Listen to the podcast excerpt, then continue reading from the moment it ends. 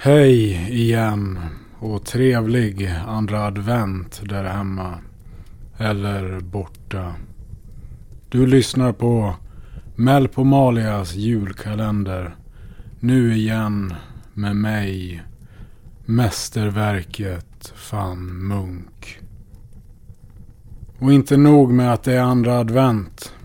Idag är det den stora dagen. Nej, inte julafton. Utan Nobeldagen. Då genierna prisas och hyllas. Festernas fest. Med den stora ceremonin och banketten tillägnade Nobelpristagarna och deras framsteg. Jag sitter här i radiostugan med fracken på och bakom mig är Junior inte sämre. Han sitter nedsänkt i ett par alldeles för stora läderhosen som Freidner lämnat kvar här. För ett par dagar sedan var den något lustiga utstyrseln alldeles för stor på lilla Junior. Men nu tycks det ändå som att han har börjat växa in i den. Sjukt nog. Och den här gången firas det nog lite extra bland dramatikens folk. Jon Fosse från Norge knep Nobelpriset i litteratur. För hans nyskapande dramatik och prosa som ger röst åt det osägbara. Det är första gången en dramatiker får Nobelpriset i litteratur på nästan två decennier. Senast var allas vår Harald Treutiger 2005. Kan du de andra? Här kommer annars hela listan serverad på ett silverfat för dig. Om nu inte mitt minne sviker mig. José Echegaray. Maurice Mäterlink. Jacinto Benavente. George Bernard Shaw. Luigi Pirandello. Eugene O'Neill. Samuel Beckett. Volle Soyinka. Dario Fo. Gao Xinjiang. Elfride Jelinek. Harald Treutiger. Och så nu Jon Fosse. Och sen så skrev väl även Albert Camus, Jean-Paul Sartre och Peter Handke några pjäser också. Även om deras framsteg främst låg i andra fält. Visste du förresten att eh, det endast finns två stycken som vunnit både Nobelpriset och en Oscar? Ja, precis. George Bernard Shaw och Bob Dylan.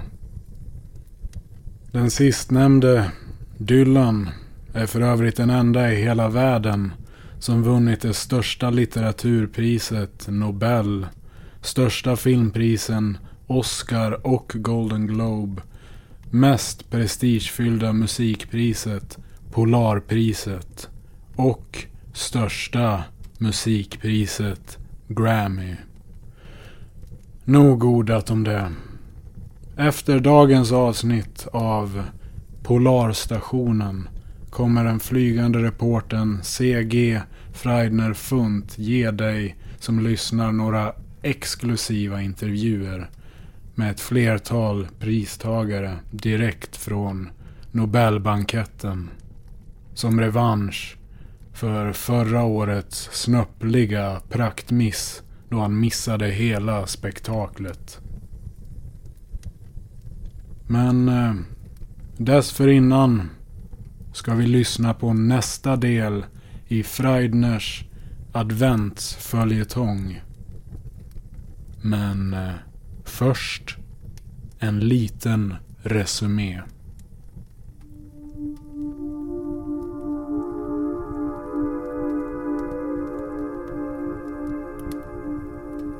Ja, då var vi här igen. Och eh, vad hände i förra veckans adventsavsnitt?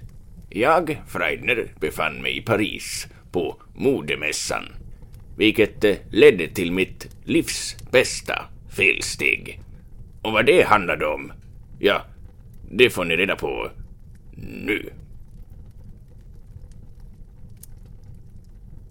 Jag hörde henne innan jag såg henne och mitt liv skulle aldrig bli detsamma igen. Ursäkta, monsieur. Kliv av min fot! vädjade rösten bakom mig. Jag klev således av och stapplade åt sidan, varpå mötte hennes blick. Jag granskade henne, från topp till varje tå.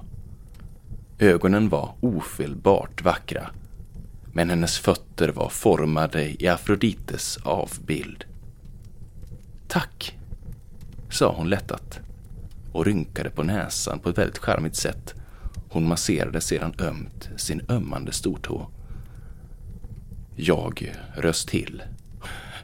Gud, förlåt mig! Jag skulle inte ha burit sandaler hit. Det var klumpigt av mig. Får jag gottgöra dig på något sätt? Snälla. Hon kisade mot mig, sen vägde hon mig med blicken, blinkade till och fortsatte. Kör till. En drink. Baren i modesalongen var så när tom. Men nu, med var sin fruktdrink i handen, var isen bruten. Mitt namn är CG, Freidner Funt. Raquel. Raquel Fossing. Du är också journalist, eller hur Freidner? Ja, ja jag, är, jag är journalist. Och du? Såklart jag är. Och en grävande sådan, Freidner. Jag gör ett eh, lösnummersreportage om modehusen och deras mörka kopplingar till... Hon hejdade sig och kom närmare som för att bara anförtro sig till mig och viskade. Kopplingar till den organiserade brottsligheten.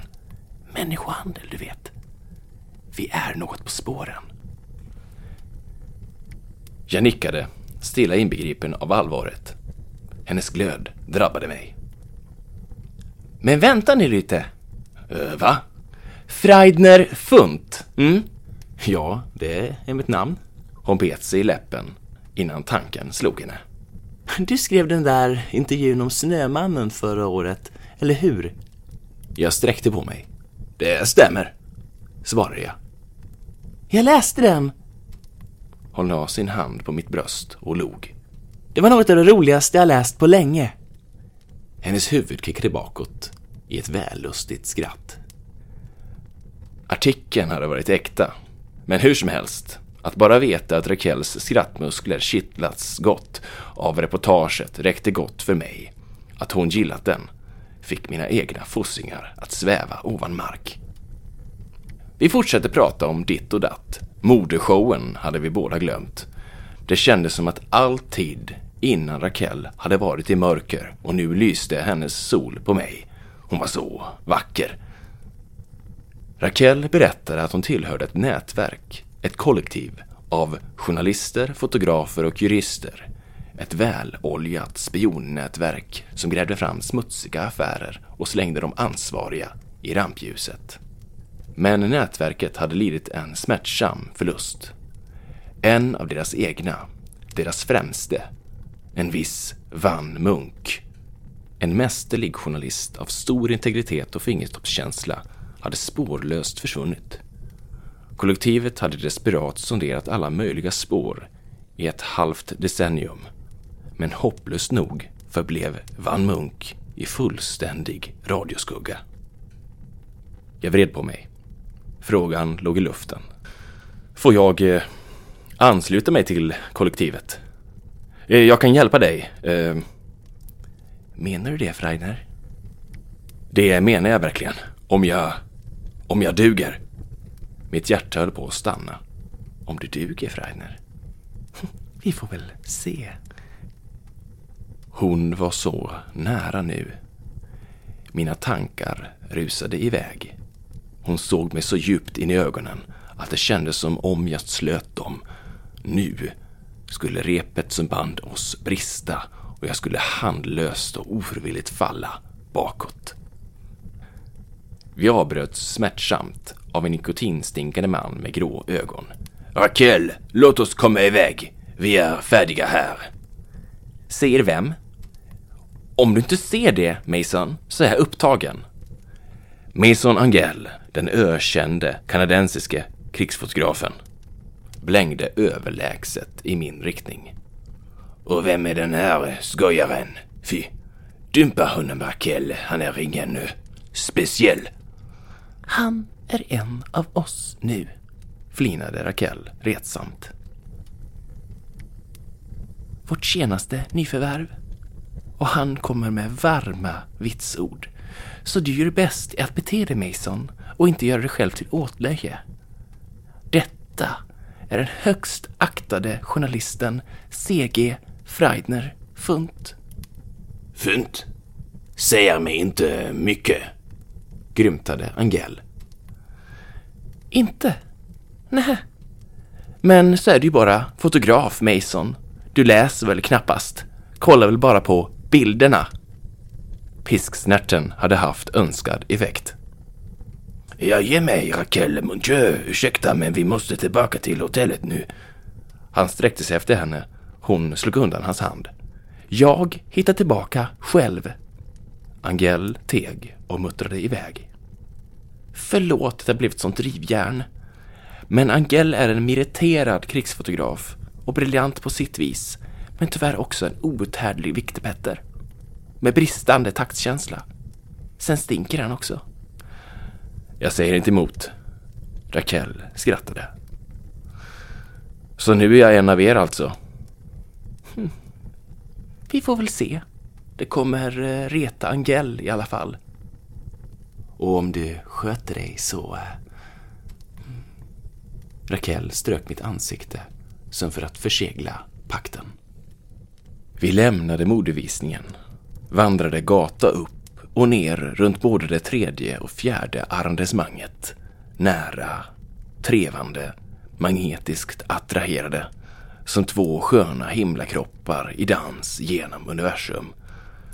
I hotellobbyn höll vi om varandra länge innan vi gick var och en till sitt.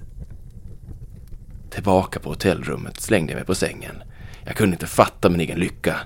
Jag hade träffat en genuint intresserad och intressant kvinna som konstigt nog hade velat komma mig, Freidner, nära och visste vem jag var. Allt kändes så rätt. En liten försynt knackning på min dörr. Jag öppnade. Återigen stod hon framför mig. Raquel Fossing. Saknat mig? Freidner? Jag... Jag saknade dig innan jag visste att du fanns. Hon slängde sig om halsen på mig. Och natten var vår.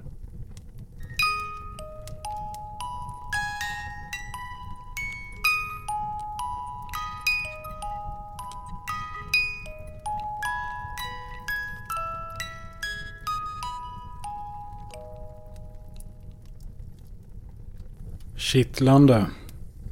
Freidners eskapader med kvinnofolket har många kapitel om man får tro honom själv. Men nu ska vi inte mota dig som lyssnar vid grind längre. Nu kastar vi oss in i kapitel 10 av kvällens huvudakt. Polarstationen.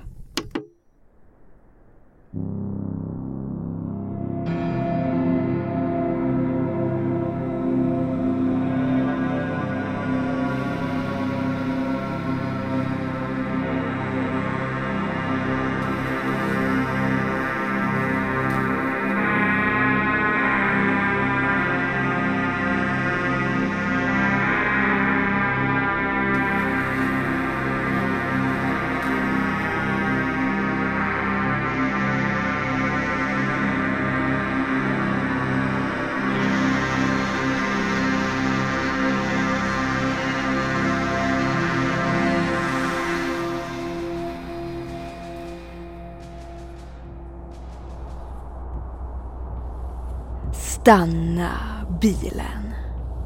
Vad säger du? Stanna bilen, säger jag. Vad är det nu? Ändrade planer. Ändrade planer? Är inte vi i närheten av gränsen? Gränsen? Jo, hur så? Ta mig dit. Till gränsen?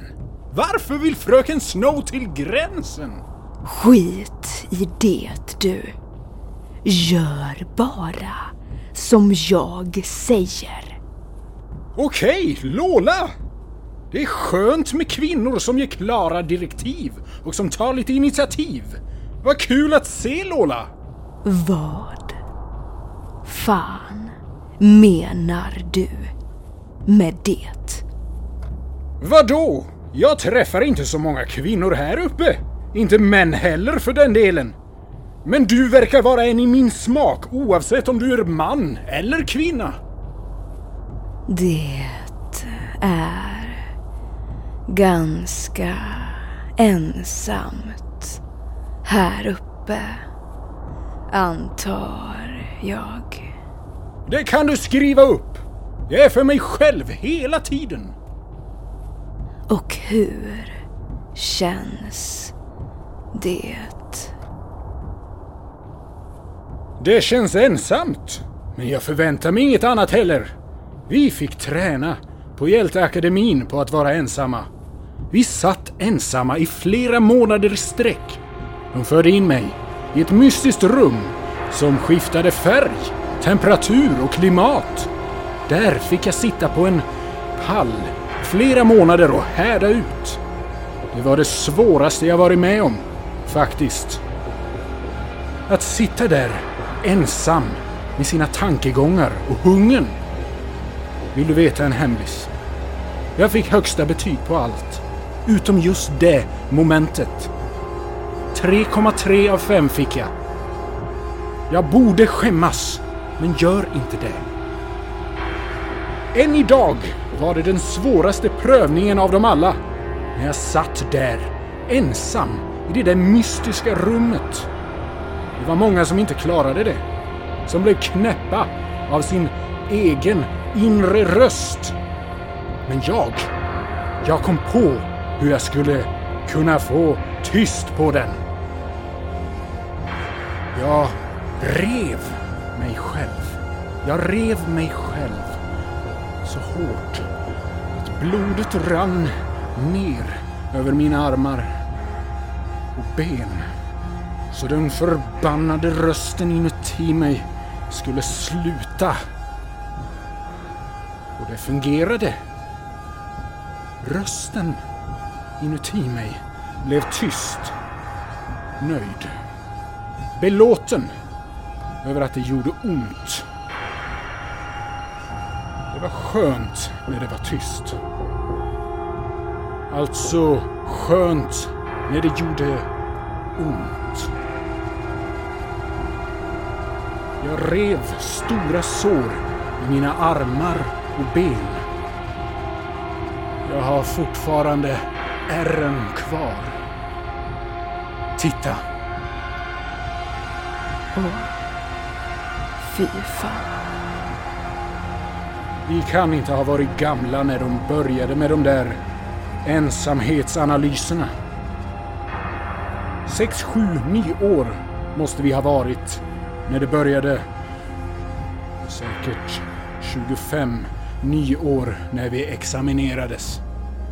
Det låter mer som tortyr. Det var tortyr. Det var meningen. Men nu är vi härdade och kan stå emot all ensamhet i hela världen.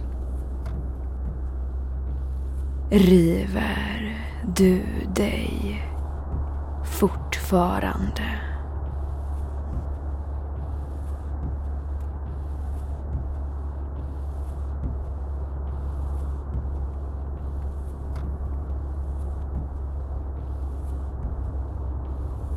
Har du varit vid gränsen någon gång?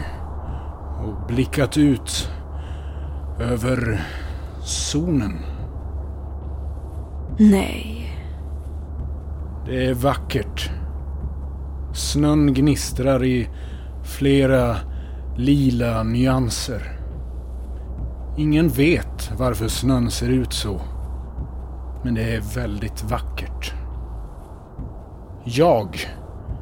Jag brukar åka dit ibland och titta ut över fältet. Betrakta skönheten. Tystnaden. Stillheten. Rösten inuti mig är tyst där. Även den betraktar det gnistrande skådespelet. Men samtidigt som det är skönt så gör det ont. Herr Hunter.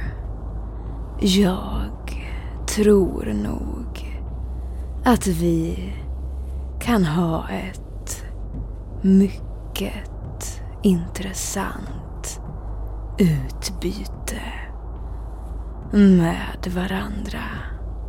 Om du tar mig till gränsen.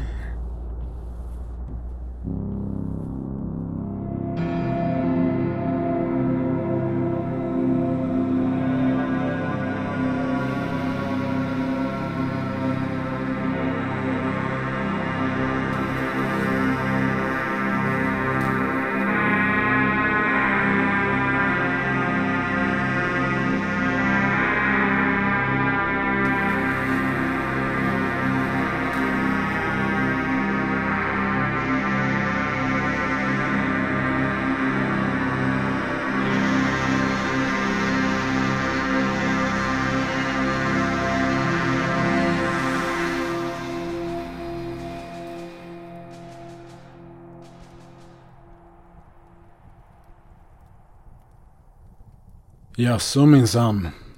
Och den som väntar på något gott väntar åtminstone sällan för länge. Imorgon får vi höra nästa avsnitt av Polarstationen. Ja, ja men då så. Nu ska vi faktiskt höra om Freidner är på tråden direkt från festernas fest. Nobelbanketten. Hallå Freidner. Ja, hallå. Boy, boy, boy, boy, boy. Du befinner dig alltså på Nobelbanketten där du intervjuat några av årets pristagare. Är det så att du har någon av pristagarna med dig för en exklusiv liveintervju just i detta nu? Inte riktigt mästerverket, ja. Jag ligger här, nerbäddad i sjukstugan i Julby. Va? Förlåt mig mästerverket, men... Ja, det är fruktansvärt. Efter att vi talades vid senast blev jag våldsamt påkörd av en epatraktor. oh, smällen var närintill fatal. Jag överlevde med nöd och näppe. Och jag kämpar nu mellan liv och död. Hades har mig på kroken. Är det sant? Så du är kvar i Julby? Ja, jag är här med dropp och EKG, kateter och allt och hela jag är inlindad i bandage. Som tur har jag en eh, väldigt fin eh, sjuksyster här som baddar mina sår. Säg hej till mästerverket nu och alla som lyssnar. Hej, hej. Åh, jag är, jag är så uppe. Riven mästerverket, jag. Jag som hade sett fram emot att intervjua oh, Anne Lullier och, och mest av allt eh, Jon Fossing. En, jag som du förstår, avlägsen släkting till min musa Raquel Fossing. Jon Fosse, inte Jon Fossing. Ja, Fossing ja. Jag är så ledsen, mästerverket. Eh, men EPA-ungdomarna har sargat min kropp till oigenkännlighet och jag, jag kanske aldrig kommer att kunna gå igen. Eh, gå runt med massa stöd, stål runt mina ben och allt är bara ett fatalt misslyckande igen. Oh, jag, jag vet inte vad jag ska ta mig till.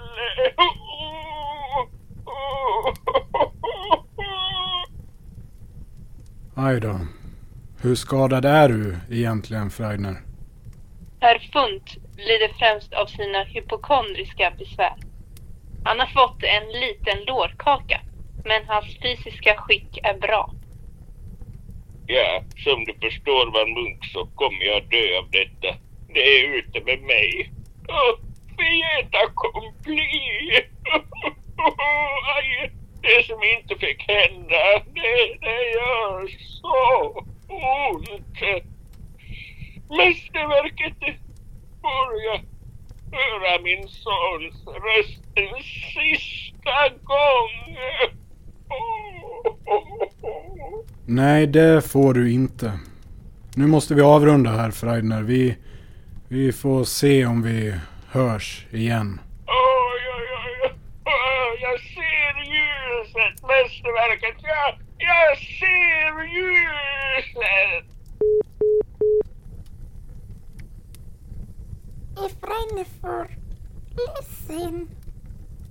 Vi är många som är ledsna. Hmm. Ja, men då var väl Nobelfesten över för den här gången. Snart väntar en ny, mer vanlig dag. Sov gott.